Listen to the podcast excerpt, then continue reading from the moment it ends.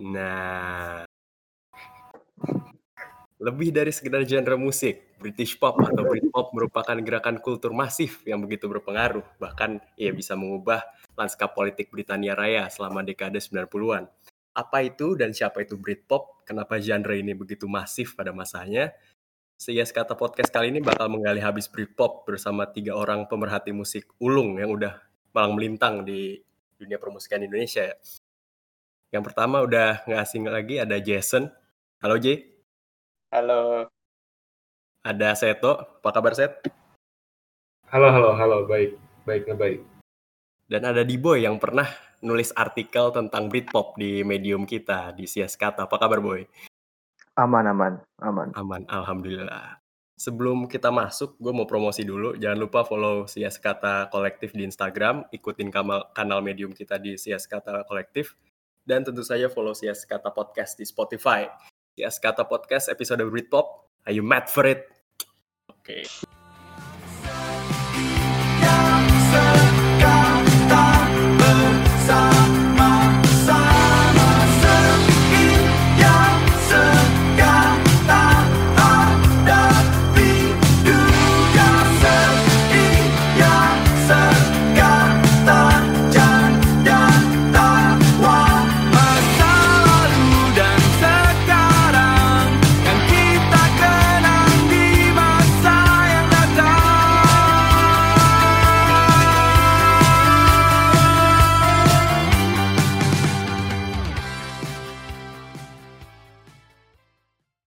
Oke.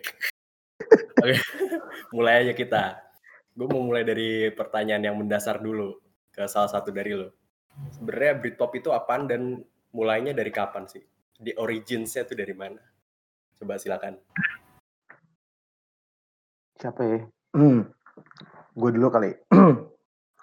Britpop ya. Britpop Yoi. tuh apa ya sebuah fenomena bisa dibilang fenomena pop culture di Inggris 90-an di mana di situ kontennya yang yang paling jelas ada musik, ada seni juga, sosial, bahkan ada politiknya juga. Nah, sebenarnya kenapa dinama dinamain Britpop? Itu kenapa kayak gitu karena uh, jurnalis-jurnalis di Inggris tahun 90-an itu kayak melihat sebuah apa ya?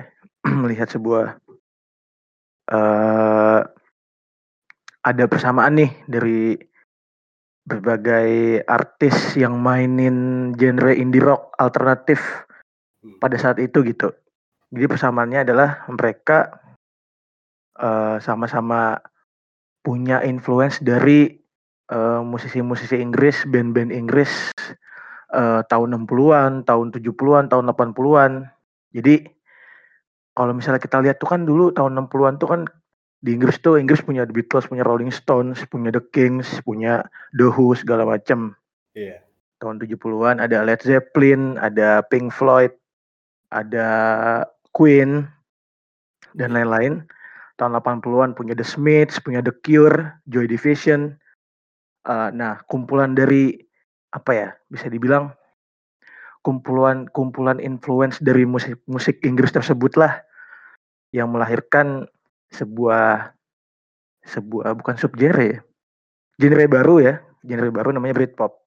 Jadi biasanya sih musik-musik Britpop tuh kental sama uh, biasanya sih konten-konten lagunya tuh ngomongin budaya Inggris kayak gimana, ngomongin uh, kultur-kultur kayak apa ya Inggris tuh biasanya ada namanya let's culture kayak budaya eh, budaya-budaya working classnya di Inggris tuh ngapain? Kayak ke pub segala macem atau ngomongin apa ya ya pokoknya banyak konten-konten yang Inggris banget lah.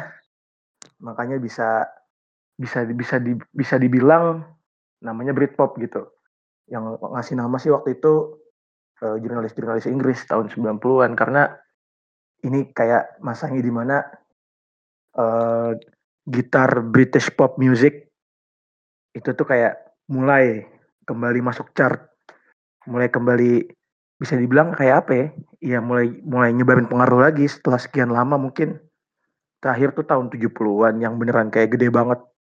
uh, musisi uh, musisi musisi musisi Inggris itu uh, punya pengaruh besar gitu kayak Led Zeppelin sama Queen. Nah tahun 90-an iya. nih mulai kayak wah nih mulai mulai ada musik-musik Inggris yang beneran dari Inggris yang beneran identik akhirnya bisa mendunia lagi setelah sekian lama gitu gitu sih dari gue Ya, yeah, kalau misalnya uh, kemunculannya kan di awal 90-an gitu. Mungkin Seto atau Jason bisa ceritain konteks konteks budaya saat itu tuh apa sih kok bisa bisa muncul uh, sebuah genre baru ini? Apakah ada influence dari Amerika atau gimana? Mungkin salah satu dari lo. Kalau gue sih uh, munculnya Britpop itu menurut gue ya tahun sekitar tahun 93-94an ya. Dan masa-masa itu tuh kalau di Amerika itu lagi gede banget genre yang namanya grunge. Yeah. Itu menurut gue merupakan dua sisi koin yang berbeda antara grunge dan Britpop itu. Karena di satu sisi grunge dengan band-band kayak Pearl Jam dan Nirvana itu, mereka liriknya lebih dark dalam kata yeah. artian kayak lebih mengenai kesendirian, alkohol dan apalah lain-lain gitu. Sementara kita di sisi lain dalam Britpop itu musiknya itu bisa dibilang lebih happy mungkin ya dengan band-band kayak Oasis yang liriknya itu lebih menjurus kepada percaya pada diri sendiri gitu dan juga mengenai orang-orang yang penting dalam hidup lo dan celebrate life lah itu menurut gue uh, konteksnya mengenai Britpop yang menuju ke dunia lah bisa dibilang. Ya kalau kalau lu ngelihat uh, sejarah Britpop sampai bisa apa ya menjadi sebuah fenomena gede di 90-an bakal bahkan bisa gue bilang decade definer gitu ya. Lu ngeliat 90-an, lu ngeliat Britpop gitu. Uh, menurut lu gimana set? Lu ngeliat uh, fenomena Britpop di 90-an ini? Jadi sebenarnya uh, sama sih seperti yang dikatakan sama Jason mungkin uh, bukan mungkin sih emang Britpop ini awalnya juga yaitu berangkat dari um, dalam tanda kutip musik-musik kelas pekerja yang mungkin uh, secara musikal, secara sonik ini bukan merupakan musik yang um, kompleks gitu. Tapi uh, gue melihat bahwa apa yang dibawa sama Britpop ini adalah uh, pada awalnya setidaknya adalah Eh, suara-suara mereka, suara-suara uh, kelas-kelas pekerja pada saat itu di Inggris gitu. Baik yeah. bahkan dari yang memiliki privilege maupun tidak gitu, seperti uh, uh, Liam dan apa Noel yang merupakan pekerja konstruksi bangunan dulu atau bahkan orang-orang iya. apa namanya anak-anak uh, kuliahan kelas menengah kayak uh, komplotannya Blur yang juga menyuarakan apa kesenjangan-kesenjangan di Inggris gitu atau bahkan hmm. ya yang relatif happy dan upbeat kayak ya kayak Sweat dalam Minimal Nitrate dan sebagainya gitu sih. Oke. Uh, setelah kita udah tahu konteks konteks sejarahnya Britpop, sebenarnya belum afdol belum kalau ngomongin Britpop, Britpop tuh tanpa ngomongin The Battle of Britpop of 1995, Blur versus Oasis. Ini dua, menurut gue dua, mungkin bukan Oasis, mungkin bukan pelopornya Britpop, ada yang lebih lama lagi, tapi dua band ini menjadi, sampai sekarang menjadi ikon dari Britpop itu sendiri. Persaingannya di tahun 90-an, itu sangat-sangat mendominasi media, mendominasi kultur Inggris saat itu, uh, yang ditandai dengan saingan single mereka Roll With It lawan Country House waktu itu yang rilis bulan Agustus 95. Uh, eh, lu bisa ceritain nggak sebenarnya apa sih yang yang bikin dua band ini tuh gontok-gontokannya keras banget? Coba boy. Hmm.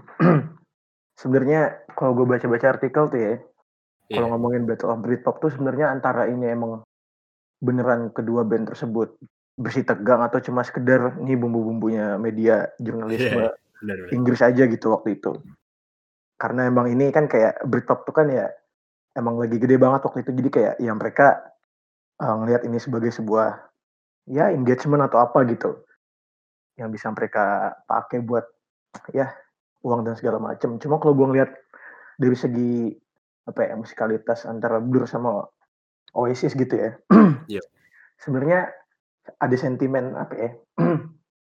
Oasis dibilang tuh uh, working class hero dari Manchester, di mana mereka ya uh, sebelum ngeband itu ya mereka nggak punya kerjaan, nggak punya nggak punya penghasilan tetap, sampai kayak ya udah mereka bikin band mereka sukses. Sementara si Blur ini uh, mereka anak kuliahan sekolah seni gitu, middle class. Jadi kayak sebenarnya ada sentimen-sentimen yang apa ya, yang kayak memper apa ya, mempertebal seolah-olah mempertebal sekat uh, kedua band Britpop yang lagi gede banget pada saat itu.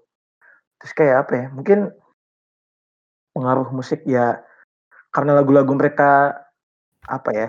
Nang sering nangkring di chart-chart atas uh, tanggal musik lagu Inggris gitu. Jadi jadi kayak makin mempertebal suasana persaingan antara uh, kedua band tersebut gitu. Jadi kayak mungkin sebenarnya kalau dari segi musikalitas sih gimana ya? Mungkin kalau gue ngeliat Oasis tuh mereka lebih cenderung punya influence dari hard rock hard rockan atau musik-musik yang raw gitu. Kayak misal uh, Led Zeppelin atau Sex Pistols gitu. Sementara Blur ini mereka punya influence dari musik-musik catchy, musik-musik yang uh, upbeat uh, kayak dari The Smiths atau dari yeah. uh, The Cure yang emang musik-musiknya tuh ya musik-musik uh, catchy-catchy gitulah dibanding sama Oasis yang raw dan uh, rock and roll gitu. Jadi emang sebenarnya ada ada perbedaan style dari kedua band tersebut sih ditambah sentimen-sentimen tadi yang kayak bikin seolah-olah nih ada battle of Britpop nih. Padahal sebenarnya kalau dilihat-lihat sekarang mah gimana ya? Si Noel sama Demon sih udah baikan sih, udah ada tuh di YouTube. Iya, iya. Videonya tampil videonya tampil iya. bareng sih gitu sih. Nggak, nggak, nggak asik banget tuh, nggak asik. Mendingan berantem.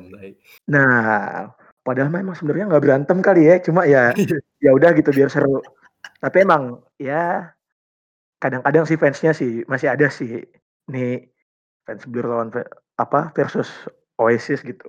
Kalau gue sendiri sih ngeliat ya dua-duanya menurut gue sama-sama punya influence yang besar ke uh, musik Inggris di tahun segitu sih.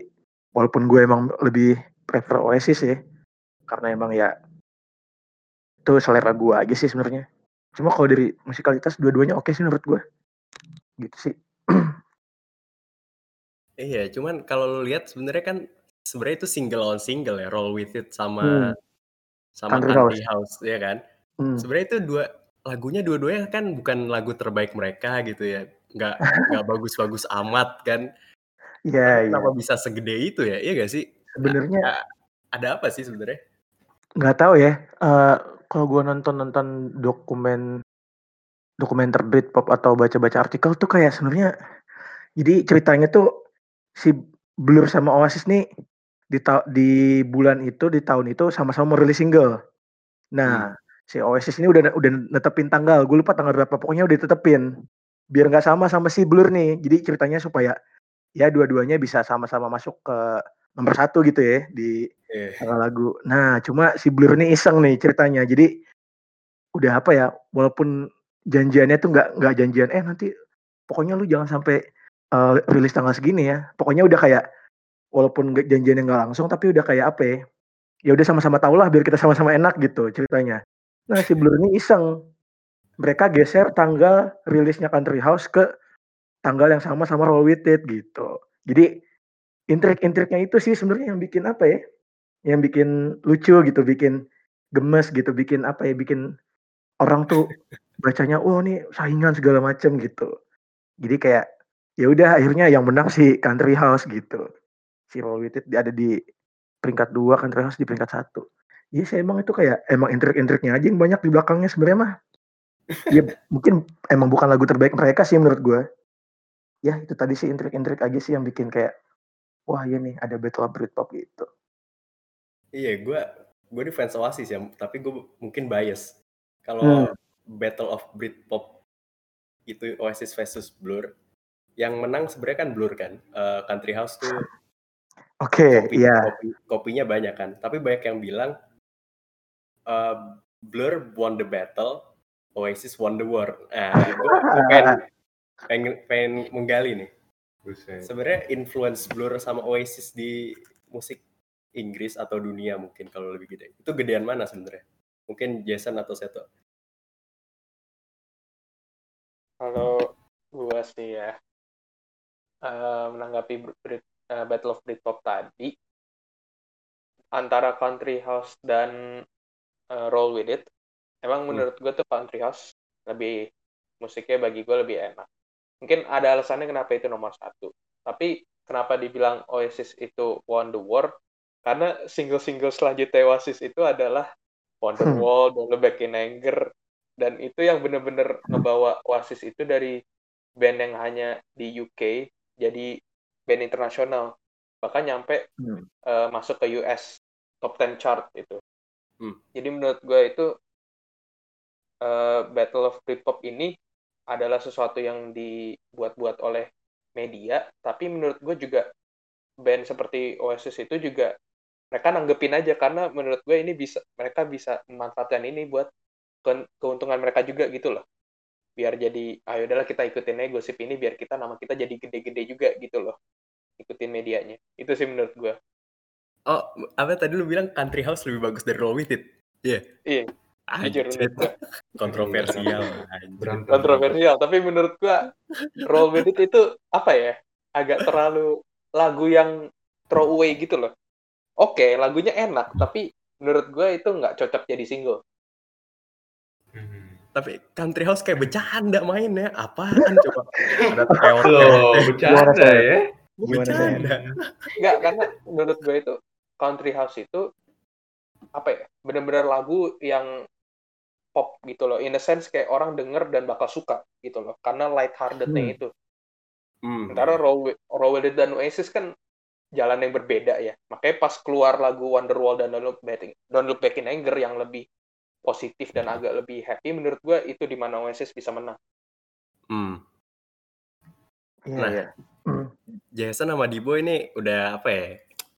Membuat case buat Oasis nih. Coba set lu bela hmm. blur deh, coba bela blur. Ada yang bisa dibela gak sih? Coba gini gini gini. Jadi uh, sebelumnya nih uh, jujur gue dulu SMA uh, akhir-akhir zaman SBMPTN tuh gue heavy rotation banget tuh What's the Story Morning Glory satu oh. album hmm. ini yeah. nih yeah. nih dia nah hmm. itu uh, gue rotation kayak bener-bener back to back dari emang gokil nih album keren banget gitu. Tapi sejak uh, lulus SMA nih masuk kuliah gue mulai nih ngulik-ngulik apa sih itu Battle of Britpop? Siapa sih itu Blur? gitu kan. Nah uh, sebelumnya menjawab pertanyaan yang tadi yang tadi sih kayak uh, ini kenapa bisa terjadi antara apa namanya roll with it, it sama country house ini emang sebenarnya akal-akalan media dan industri musik aja pada saat itu gitu dan itu kayak hmm. Uh, apa ya um, ya emang suatu masa yang penting sih dalam jurnalisme musik di Inggris gitu tapi ini menurut gue bukanlah suatu hal yang apa sih uh, etis dan nggak terlalu elok lah gitu. Iya segitunya gitu untuk menggiring dan memecah fans gitu. Jadi kayak memecah fans musik hmm. gitu. Tak tahu nggak sih mat gue? Nah gitu lah yeah, pokoknya. Yeah, yeah. Dan akal-akal industri musik juga dan label-label di belakangnya. Nah iya. selanjutnya yeah. untuk bahas influence dan musik Blur sama Oasis, jujur gini ya. Um, kalau masalah musik, uh, gue akuin, gue akuin kalau misalkan Oasis itu emang uh, influence musiknya itu ke mana-mana gitu dan hmm. emang diterapin mungkin formula-formulanya diterapin sama band-band pop rock yang mungkin emang masih manggung sampai sekarang gitu kayak hmm. Peter Peter Pan, Sheila dan lain-lain gitu lah.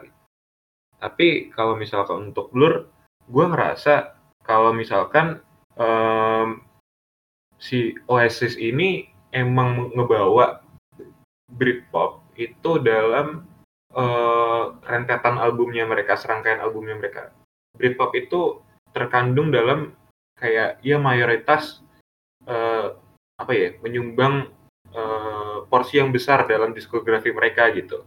Sedangkan Hmm, kalau iya. menurut gue Blur ini tuh em gue bisa kasarannya mereka itu pragmatis anjir. Kayak dari Leisure sampai Leisure di Iya. di 91 album debutnya sampai The Magic Wave Jauh. di 2015 itu mereka jauh banget ganti-ganti.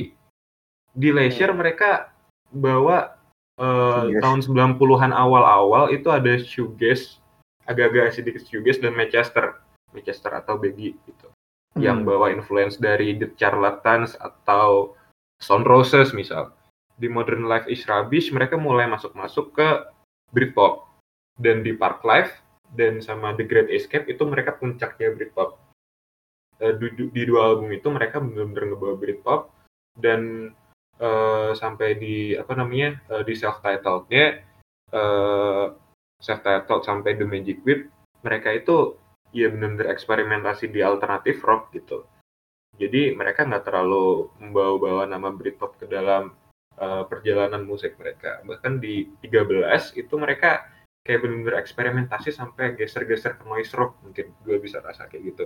Jadi menurut gue em, mungkin eh, nggak tahu sih ini gue statement gue aja ya, statement personal aja sih. Mungkin si eh, Blur ini memang bukan merupakan band dalam tanda kutip band Britpop terbaik, tapi menurut gue untuk eh, masalah musik dan eksperimentasi musik, eksplorasi musik, mereka jauh lebih mending daripada Oasis gitu sih.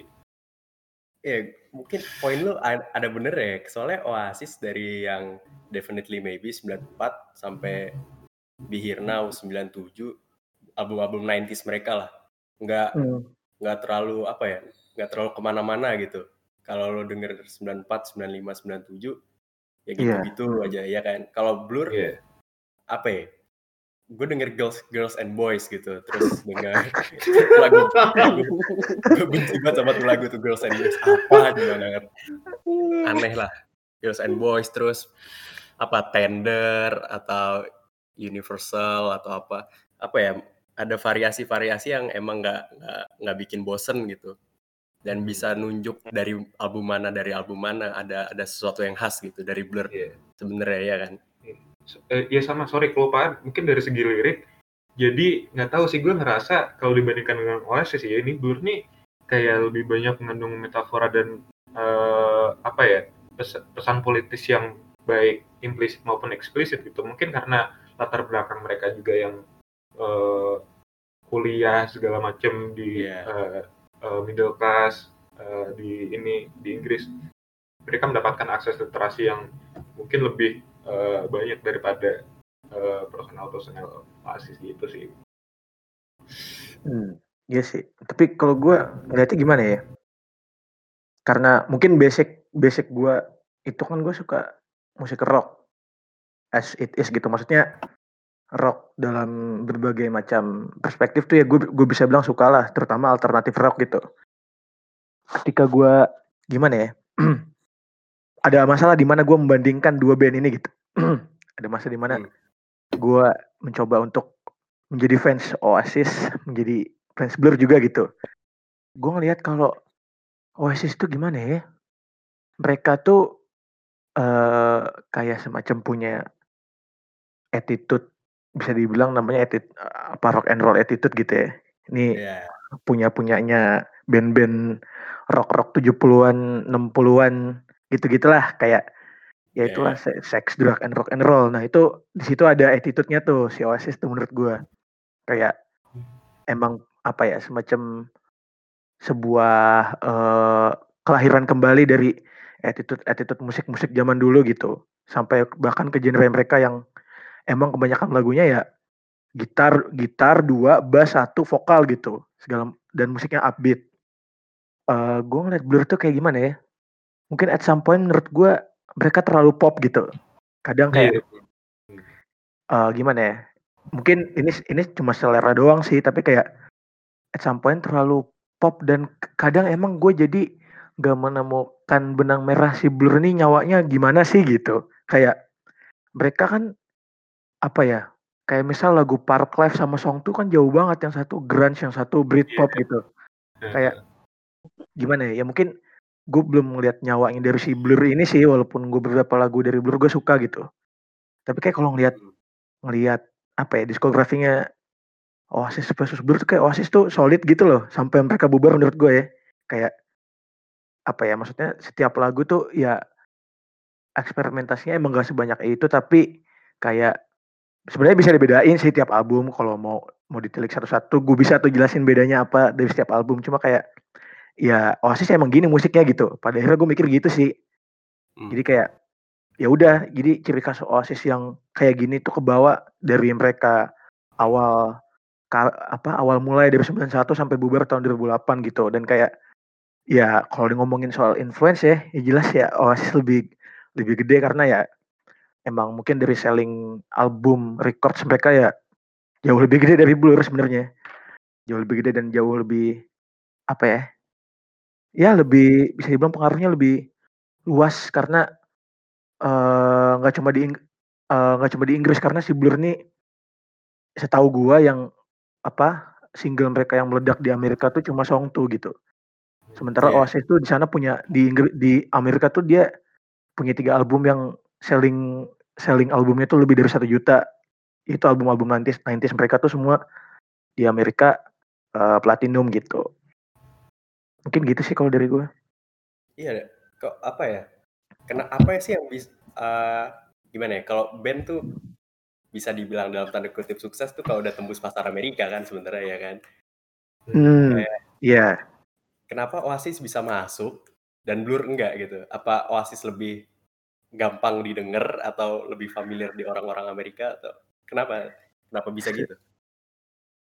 Uh, kalau dari gue sebenarnya kalau dibandingin sama band-band lain, band-band Inggris lain yang ya misal kayak The Beatles, Led Zeppelin, Queen sebenarnya Oasis tuh belum ada apa-apanya ya. Maksudnya oh iya. kalau dibandingin penjualannya sama band-band kayak kayak mereka tadi cuma kayak apa ya mungkin Oasis bisa dibilang nggak nggak gede-gede banget juga di Amerika. Hmm. bahkan bisa dibilang kayak ya fans Oasis di sana tuh nggak gitu banyak. Cuma kayak pada saat itu di tahun 90-an tuh emang uh, influence Oasis tapi uh, nyampe ke sana gitu kayak dari lihat lihat dari penjualan album konser segala macam walaupun emang bisa dibilang yang nggak akan bisa sama kayak Beatles, Led Zeppelin dan teman-temannya gitu, Pink Floyd segala macem. Hmm. Tapi ya dibanding apa ya mungkin mungkin Blur itu terlalu musiknya terlalu Inggris kali ya karena musik-musik yang uh, catchy dan uh, apa ya bisa dibilang nggak terlalu dark atau nggak terlalu raw gitu. Kan hmm. Blur kan selama ini kayak gitu gitu. Karena di Amerika waktu itu ada grunge terus akhir 90-an ada new metal. Jadi kayak mungkin apa ya sedikit banyak musik Oasis lebih bisa diterima gitu. Karena emang dari segi uh, genre juga lebih raw dan lebih upbeat gitu. Mungkin karena karakter orang Amerika kayak gitu kali. Gue kurang tahu juga sih mungkin ya gitulah opini gue sih gitu. Yang lain coba. Kalau eh, coba bukti? gimana menurut lu J? uh, kenapa Oasis bisa lebih sukses? Menurut gue itu mereka paket yang komplit gitu loh. Karena selain hmm. musiknya enak seperti kata di boy tadi mereka punya attitude. Yang yes. bikin gue beda itu yang bikin gue amazed sama Oasis itu adalah seberapa mereka percaya diri dengan diri mereka sendiri. Gitu loh. Di uh, bahkan di saat di interview mereka masih baru keluar album pertama aja mereka selalu yakin kalau mereka itu band terbaik di dunia gitu loh. Wah itu selalu, iya sih. Selalu. Selalu. kayak lu lu sebenarnya bisa ngatain mereka songong tapi mereka sendiri jawab kalau mereka itu bukan songong mereka cuma percaya diri aja itu loh menurut gue itu yang hmm. penting yang gue males ngeliat-ngeliat dari misalnya kayak artis-artis lain misalnya ditanya tentang uh, artis ini gimana artis ini gimana. Kalau artis pasti selalu jawab dengan jujur gitu loh opini mereka terhadap apa pun. Yang menurut gue itu uh, walaupun menimbulkan kontroversi juga tapi itu yang bisa bikin orang jadi seneng sama Oasis dan menurut gue kontroversi itu pun yang bisa ngebantu mereka sebenarnya sukses di Amerika. Dengan ke kontroversi yang kayak masuk MTV apa gitu-gitu. Iya. masalah yeah. tentang Yamlah gitu-gitu. Sebenarnya itu yang ngebantu exposure Oasis juga bahkan di Amerika gitu loh problematikanya mereka Itu sih. Mungkin itu Blur itu menurut gua uh, dan juga band-band lain musiknya mereka ada. Tapi uh, faktor lainnya itu lah yang masih kurang menurut gua. Kayak iya. sesuatu yeah. tentang diri mereka sendiri gitu yang masih kurang. Itu sih. Iya, apa ya? Kalau lu bicara Oasis lawan versus Blur gitu, kan lu udah sempet bilang Oasis itu bener-bener working class dari utara, dari Manchester gitu. Kalau Blur kan dari London, middle hmm. class, sekolah ya kan. Sekolah. Uh, ini menurut gue ngaruh sih ya ke attitude-nya Oasis dibanding Blur ya. Oasis kan kayak yeah. kan dia kagak sekolah, kok nah. jadi kuli kan, jadi kuli. narkoba, sana narkoba. Ya. Ini kayak pas banget sama kulturnya Britain waktu itu yang anak mudanya lagi berapi-api ya kan pengennya oh, iya. rebel ya. ya pengen rebel aja ini apa ya yang bikin gue suka sama Oasis juga mereka beneran representasi dari working class karena emang mereka working class kan kalau Blur hmm. kalau Blur kan ya middle class kebetulan kebetulan apa ya musiknya musik bisa didengar working class gitu se apa ya ngomongin kultur Britain yang tahun 90-an yang isinya youth, anak muda berapi-api gitu. Hmm. Gue pengen ngomongin ini sebenarnya artikel lu boy, Cool Britannia. Hmm. Coba lu ceritain ke Cool Britannia ini gerakan kultur apaan sebenarnya? Ngomongin Cool Britannia. Oke, oke jadi kan sebenarnya gue udah bilang tadi kayak Britpop itu uh, kayak sebuah gerakan kult gerakan kultur pop culture yang gak cuma musik sebenarnya Hmm. Gak cuma musik, di situ ada sosial, politik segala macam. Nah, kalau ngomongin klub Britania ini sebenarnya ini juga lagi-lagi sebutan dari uh, jurnalis dan pengamat-pengamat di Inggris waktu itu ngelihat tadi yang lu bilang tahun 90-an nih uh, anak-anak muda yang berapi-api yang lu bilang tadi. Nah, sebenarnya kalau dilihat secara uh, garis dilihat dari kacamata yang lebih besar gitu. Sebenarnya ada apa sih di tahun 90-an gitu? Uh, yang dari yang gue baca-baca sebenarnya kan Inggris tuh lama ya di lama dipimpin sama partai konservatif kan, uh, Margaret Thatcher. Itu kayak gue lupa pokoknya sampai mungkin kalau nggak salah 80-an Margaret Thatcher baru, uh, baru diganti. Sampai kayak pokoknya emang kalau gue lihat-lihat artikel tuh banyak orang Inggris yang bilang tahun 70, tahun 80-an tuh kayak, uh, waktu terburuk untuk hidup di Inggris, uh, terutama buat working class, buat orang-orang kelas bawah gitu. Karena ya kebijakan pemerintahnya si partai konservatif ini kan uh, cenderung pro pasar bebas dan lain-lain gitu ya. Jadi yeah, yeah. emang banyak hal banyak hal yang mungkin nggak uh, nggak apa ya bisa dibilang nggak mewadahi nggak mewadahi uh, keinginan dari banyak warga Inggris terutama uh, warga Inggris yang working class gitu. Jadi ya itu jadi kehidupan working class di sana pada waktu itu ya narkoba, uh, seks, uh, kalau misalnya kerja juga paling jadi kuli bangunan, uh, serabutan ini itu segala macam dan kayak emang itu udah kayak apa ya, kesenjangan di Inggris pada masa itu emang gede. Nah, ada sebuah ada sebuah momentum di mana Britpop yang tadi udah saya tahu bilang juga di situ ada skena Manchester. Skena Manchester tuh hmm. tahun 80-an punya The Smiths, terus uh, The Stone Roses, terus Happy Mondays uh, dan band-band lainnya tuh di situ uh, mereka pu apa ya kayak semacam di situ punya musik-musik mereka tuh ada semacam identitas baru buat Inggris setelah berapa tahun dikuasain sama partai konservatif yang kebijakannya banyak membuat kesenjangan itu ya. Jadi. Apalagi Stone Roses nih kayak di album mereka yang pertama tuh di situ banyak ngomongin soal uh, apa ya kayak ya walaupun nggak secara eksplisit tapi kalau gue lihat-lihat sih liriknya kayak ngomongin uh, gimana ini Inggris bangkit lagi kayak ada satu lirik di mana dia bilang this American satellite satellite is won gitu. Jadi kayak satelit Amerika ini pada akhirnya menang gitu. Dan apa ya karena apa ya Stone Roses bisa dibilang jadi salah satu band yang cukup influ influential ke gerakan Britpop ini sih karena mereka ya emang bisa dibilang uh, naruh batu pertama kali ya buat gerakan Britpop yang masif gitu. Hmm. Dan salah satu konser mereka waktu itu tahun 90 di Spike Island itu kalau kalau dibilang sama jurnalis-jurnalis Inggris tuh bisa dibilang kayak itu perayaan kebebasan buat anak-anak muda karena nonton konser Stone Roses sampai uh, sampai mabok, sambil um, narkoba segala macam, sambil nge-seks segala macam. Dan dari situ tuh kayak ada momen kebebasan di mana Inggris tuh bisa bangkit gitu. Ditambah juga pada waktu itu uh, Partai Buruh ceritanya kan mau pemilu nih Inggris tahun 97. Yeah. Jadi kayak ada ada apa ya? Ada semacam uh, bisa dibilang mungkin ada pragmatisme si Partai Buruh juga ya karena si Tony Blair ini kerap mengundang artis-artis Britpop uh, apa ya kayak sering-sering sering juga ngebangga-banggain Britpop kayak ya akhirnya uh, Inggris mengimpor kembali musik-musik ke dunia gitu. Jadi kayak ada retorika-retorikanya si Tony Blair tuh mulai mulai apa ya? Mulai menyinggung-nyinggung tuh. Wah, Inggris bangkit segala macam dan akhirnya gerakan Britpop dan Partai Buruh ini pada waktu itu tuh kayak jadi sejajar lah, jadi beriringan gitu, seolah-olah, seolah-olah jadi beriringan. Mm-hmm. Dan kayak ya udah di situ kayak jadi 90-an tuh momentumnya ya itu Britpop. Terus kayak ya momen-momen uh, kebebasan di mana ya di situ karena uh, tahun 97 kan Partai Buruh menang. Mungkin awal kebebasan cuma kan kesannya gue nggak tahu karena gue nggak baca.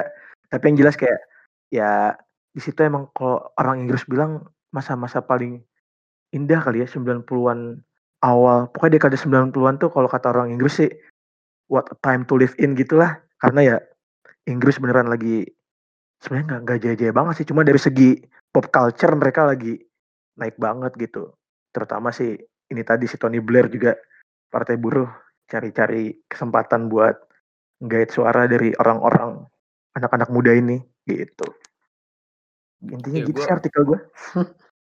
Iya, ya, gue pengen coba apa ya menggali lebih dalam lagi ke ke pertengahan 90-an ini pas pas Partai Buruh tuh pengen mengop, meng, mengkooptasi gitu ya gerakan kultur ini supaya hmm. menang menang pemilu kan. Kan hmm. sel, sebenarnya selain Oasis sama Blur itu sebenarnya ada ada band Britpop apalagi sih yang gede di pertengahan 90-an itu yang tentu nggak nggak mungkin kan Oasis sama Blur tuh uh, dua cuman dua duopoli Britpop gitu kan. Iya, yeah, iya. Yeah. Band apa lagi sih yang gede 90-an saat itu? Perkembangannya gimana sih dari Oasis 94 sampai mungkin part, pas Partai Labor menang 97. 94 sampai 97 itu hmm. ada apa aja sebenarnya? Uh, kalau gue lihat sih sebenarnya di situ ada Oasis, ada Blur, ada Pulp, ada Sweat. Jadi uh, banyak tuh album-album mereka yang uh, bahkan masuk ke uh, daftar album terbaiknya versi Rolling Stone atau daftar album terlaris versi jurnalis-jurnalis musik mau, maupun di Inggris maupun di Amerika gitu. Jadi sebenarnya banyak sih ada The Verve, ada Radiohead juga sebenarnya sempat masuk Britpop Britpopan album-album awal mereka. Terus kayak Verve sebenarnya akhir-akhir kan? Iya, Verve, Verve dulu main shoegaze, Verve tuh main shoegaze dulu. Hmm. main oh, iya. Terus album dia yang Urban Hymns itu baru tuh kayak oh ini mulai terasosiasi sama gerakan Britpop. Terus kayak sebenarnya ya banyak sih kayak ada Supergrass, ada ini band mulai dari yang mainstream sampai yang skena-skena gitu kali ya. Ada hmm. uh, di LS, ada The Charlatans, ada wah banyak sih sebenarnya skena Britpop tuh hmm. mulai dari yang mainstream sampai yang skena-skena skena Manchester, skena Liverpool, skena uh, mana Wolves apa mana gitu. Banyak sih sebenarnya. Gimana tuh coba yang lain coba. Gimana sih? Coba sih. Ada apa uh, sebenarnya tahun 94 sampai 97 itu?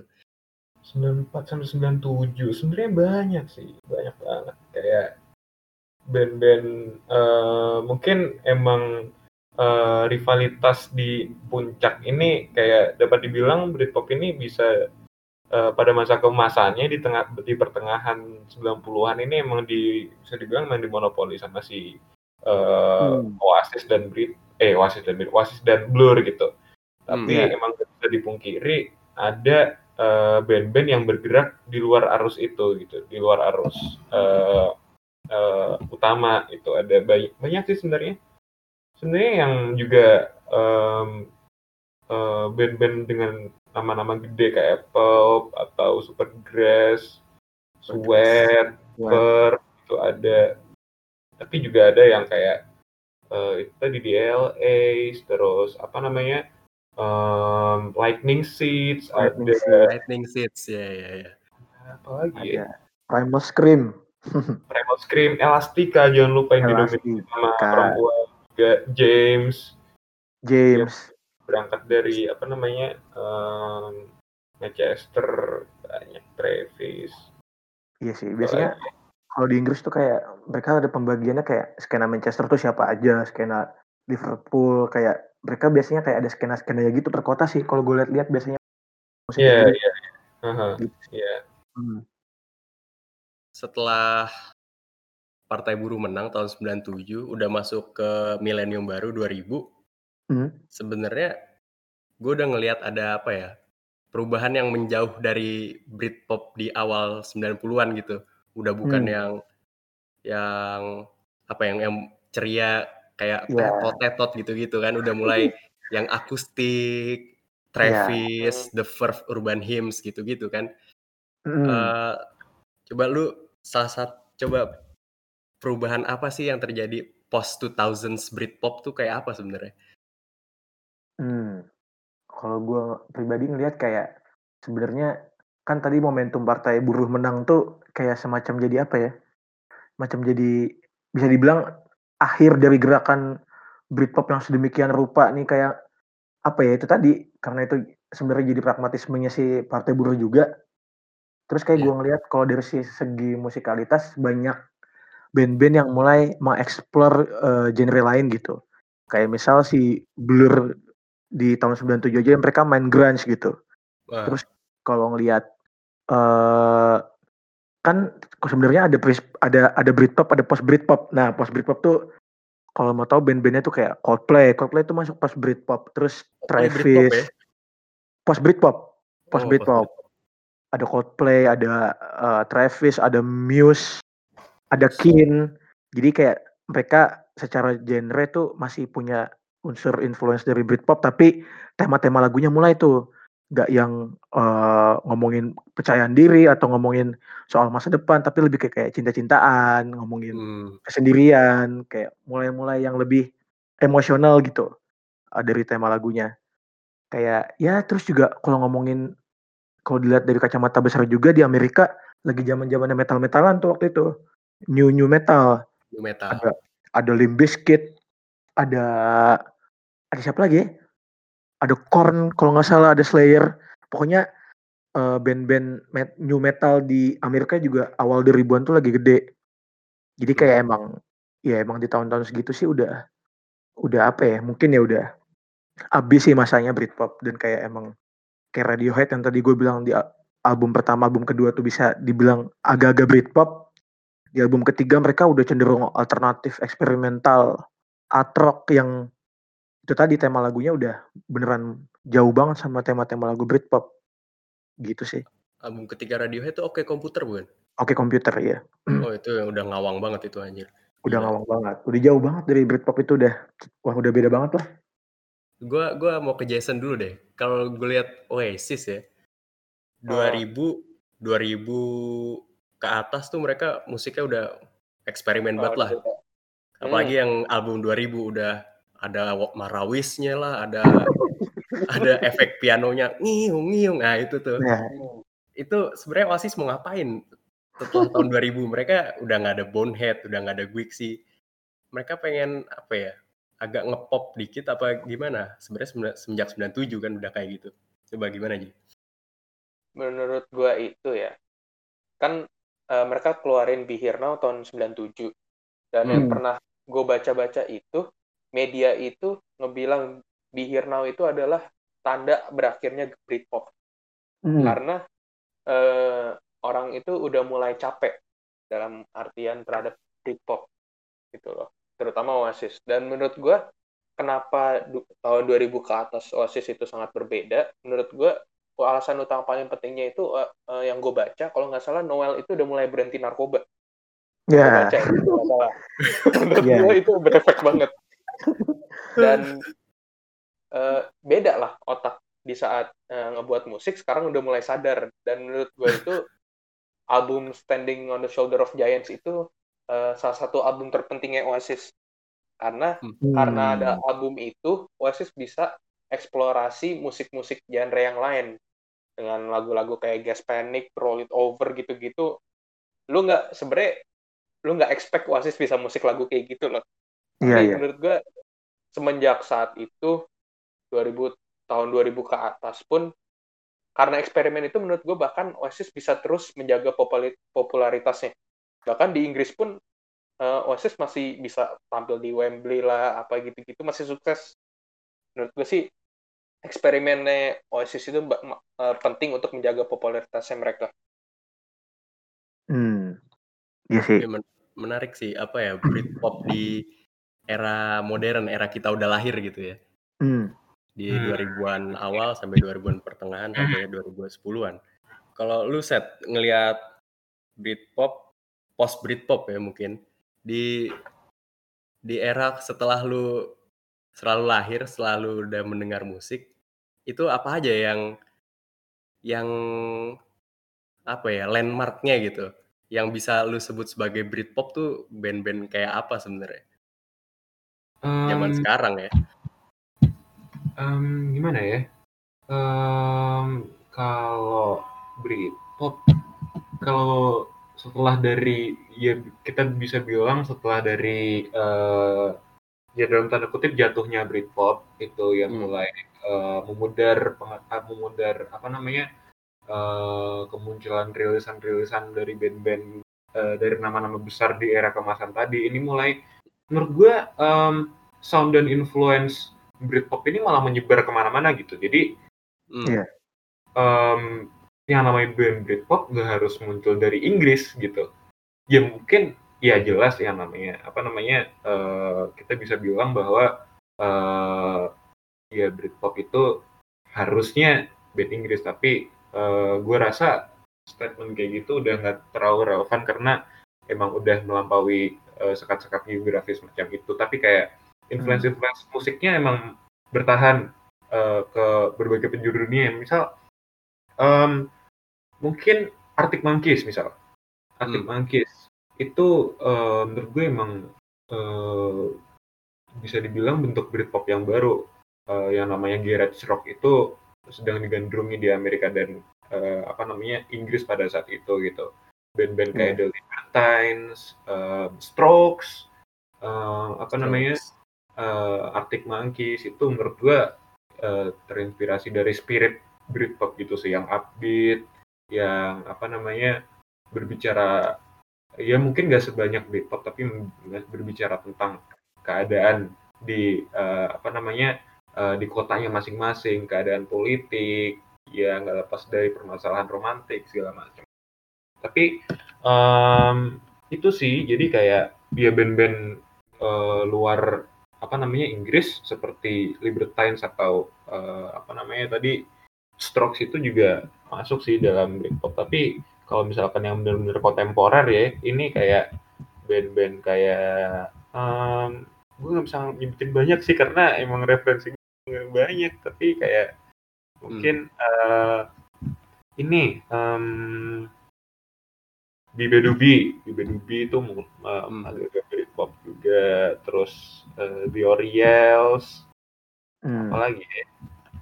Ya Squid mungkin, ya gitu band-band semacam itu masuk yang apa namanya berusaha eh, yang menurut gue melestarikan gitu sih, bukan melestarikan sih, bukan apa namanya eh, memunculkan inovasi atau gebrakan-gebrakan baru si pencampuran genre Britpop dengan apa gitu tapi kayak sekadar ini aja sih sekadar melestarikan gitu membawa membawa kita Neo Britpop lah ya, Neo. Britpop. Neo Britpop Iya, bahwa iya. kita kembali Neo lagi ke masa kemasan Britpop di pertengahan tahun 90-an gitu sih Gua gue pengen ngomongin tentang Arctic Monkeys lebih dalam sebenarnya.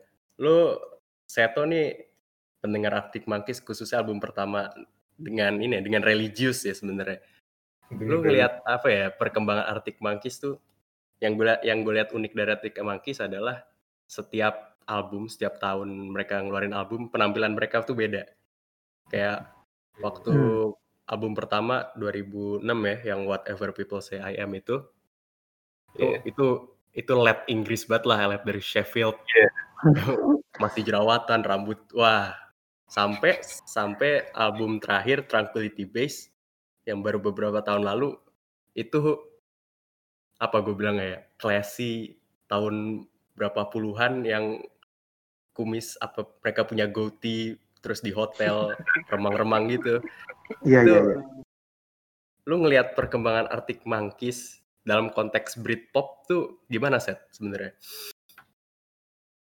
Em, gimana ya? Menurut gua eh, sebenarnya em, gue nggak tahu sih. Gue eh, jujur yang yang benar-benar gue dengerin emang benar secara religius tadi cuma album debutnya Arctic Monkeys dong. Tapi caranya sekilas ya gue rasa emang spiritnya si apa namanya eh, Arctic Monkeys ini spirit Britpopnya ini eh, benar-benar kenceng uh, Let's Hmm. Culture-nya tadi itu di album pertamanya doang. Sedangkan eh ya mungkin secara musik eh, di album kedua juga Favorite Worst Nightmare itu masih ada uh, influence influence.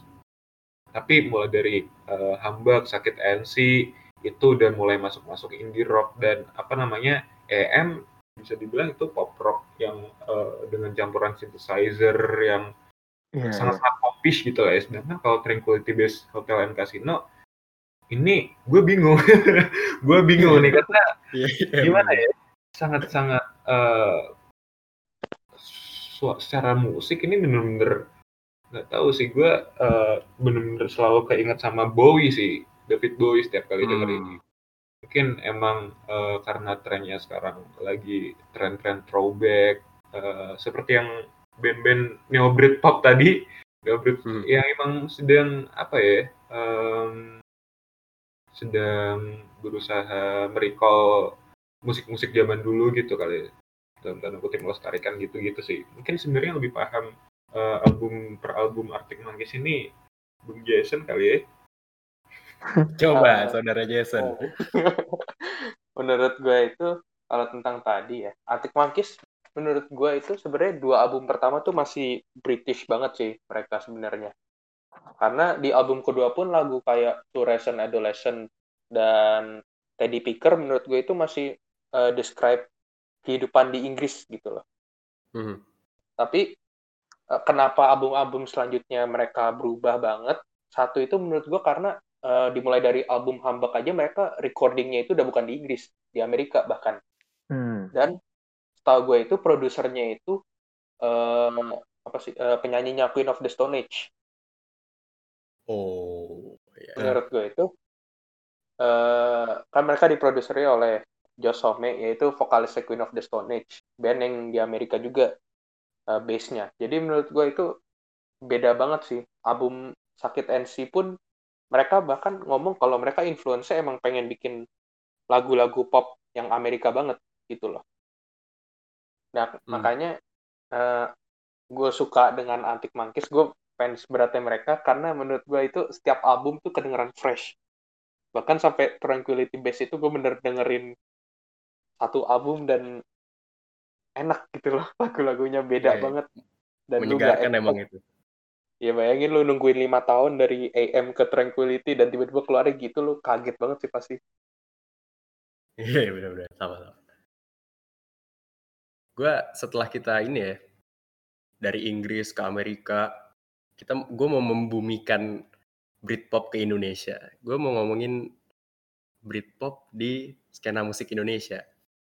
Coba boy, sebenarnya ada nggak sih Brit band Indonesia yang influence-nya kuat banget dari British pop ini? Hmm, kalau gue lihat-lihat sih sebenarnya yang apa ya, yang menggunakan istilah Britpop itu sebagai sebuah genre mereka secara utama gitu, mungkin nggak ada yang bener-bener eh, apa ya, nggak ada yang bener-bener make itu gitu. Tapi kalau ngelihat dari influence-nya sih jelas ada, ada banget. Hmm. Kayak kalau misal ngelihat ini balik ke Oasis ya, musik-musik Oasis tahun eh, di album Be Here Now ke sana tuh kan mulai-mulai pop rock, mulai-mulai alternatif segala macam ya kan. Jadi ini sebenarnya influence gede banget kalau kita eh, denger eh, musik-musiknya Peter Pan, musik-musiknya Sheila on Seven itu eh, sebenarnya uh, dan emang personilnya juga mengakui gitu kalau apa mereka dapat influence dari Oasis dan uh, ya Oasis gitu ya. Kalau Peter Pan yeah. sama Peter Pan sama Peter Pan si gitarisnya tuh ngaku tuh dia ngefans sama si Noel Gallagher. Terus kalau si Salon Seven di Twitternya Salon Seven pernah bilang uh, apa aja sih influence influence musiknya Sheila gitu. Ada Oasis gitu disebut. Jadi kayak kalau yang mainin beneran Britpop terus tahu gue ada band indie namanya Rumah Sakit. Rumah Sakit. itu itu beneran gue denger kayak denger Stone Roses banget sih itu kayak gue gak gitu uh, ngikutin diskografinya dari awal sampai akhir tapi gue denger beberapa lagunya tuh kayak itu beneran Stone Roses banget sih catchy-catchy hmm, yeah. drum drumnya uh, beat tapi nggak yang apa nggak yang ken, apa kenceng gitu tapi gitarnya distorsi tipis-tipis gitu tuh Stone Roses banget sih rumah sakit itu kayak beneran mereka mungkin ingin menghidupkan kembali Britpop kali Dari gue gitu sih. Iya, iya. Coba set, gimana skena skena anjir? Gimana Britpop di Indonesia? Influence Britpop di Indonesia tuh gimana menurut lo?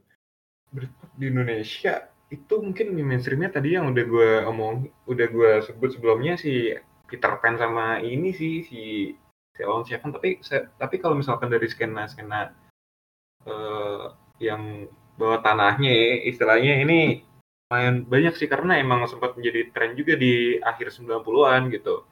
Yang dulu katanya sering manggung di poster cafe, uh, band-band kayak rumah sakit tadi, ada Bestol Air, ada Wonder Gel, Jellyfish, Cherry Bombshell, gitu-gitu yang yang nggak bisa, yang susah buat uh, atau memang nggak ada pasarnya gitu ya untuk menetrasi apa namanya pasar-pasar uh, ini pasar-pasar musik harus utama gitu sih.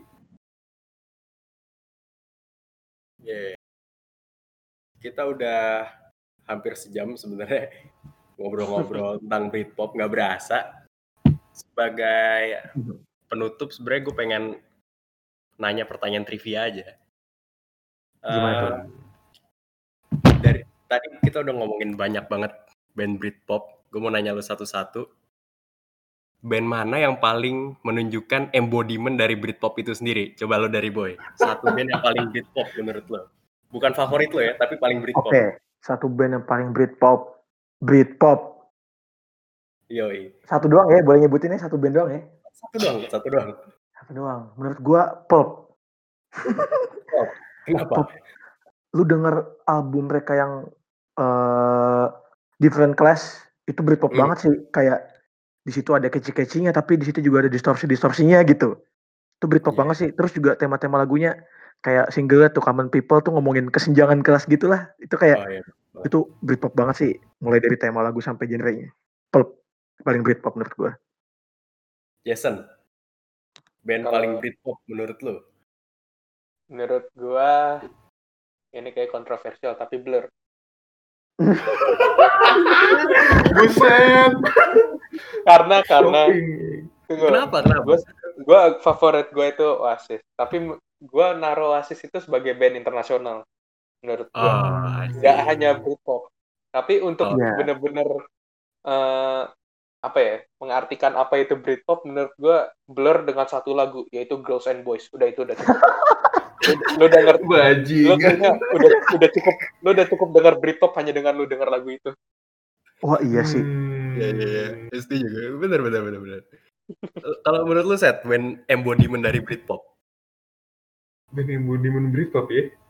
Um, uh, mungkin sebenarnya nggak masuk dalam periodisasi Britpop tapi ini sangat-sangat Britpop gitu apa um, Sound Roses kali ya di album pertama. Oh ya, ya, itu influence dari segala Britpop itu kayaknya. Iya, iya, iya. Sound Roses. Lu gimana sih coba Vi? Lu Vi. Gue anjing. Lu tahu jawaban gue apaan? apa apa Vi? Coba Vi. Band paling Britpop selain Oasis pertanyaannya ya. Selain hmm. Oasis. Blur lah, blur lah. Blur lah. Sebenernya gue gue gue bakal bilang blur loh ya kan cuman gara-gara blur dong satu single doang Park Life Nah, itu Hmm, dia yang Britpop banget sih. Iya, itu Iya, iya. Itu Udah lagu, dari- itu lagu Inggris banget lah Inggris gila. banget Inggris Video banget. klipnya, Video klipnya, monolognya. aksennya. Ada Phil Daniels kan ngoceh kan. Wah itu Aksennya, aduh astaga British banget.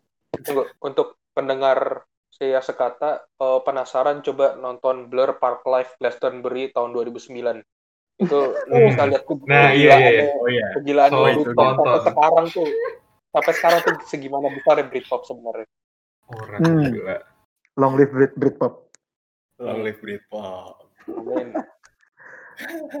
Oke, trivia tadi sebenarnya udah menutup percakapan malam kita tentang Britpop.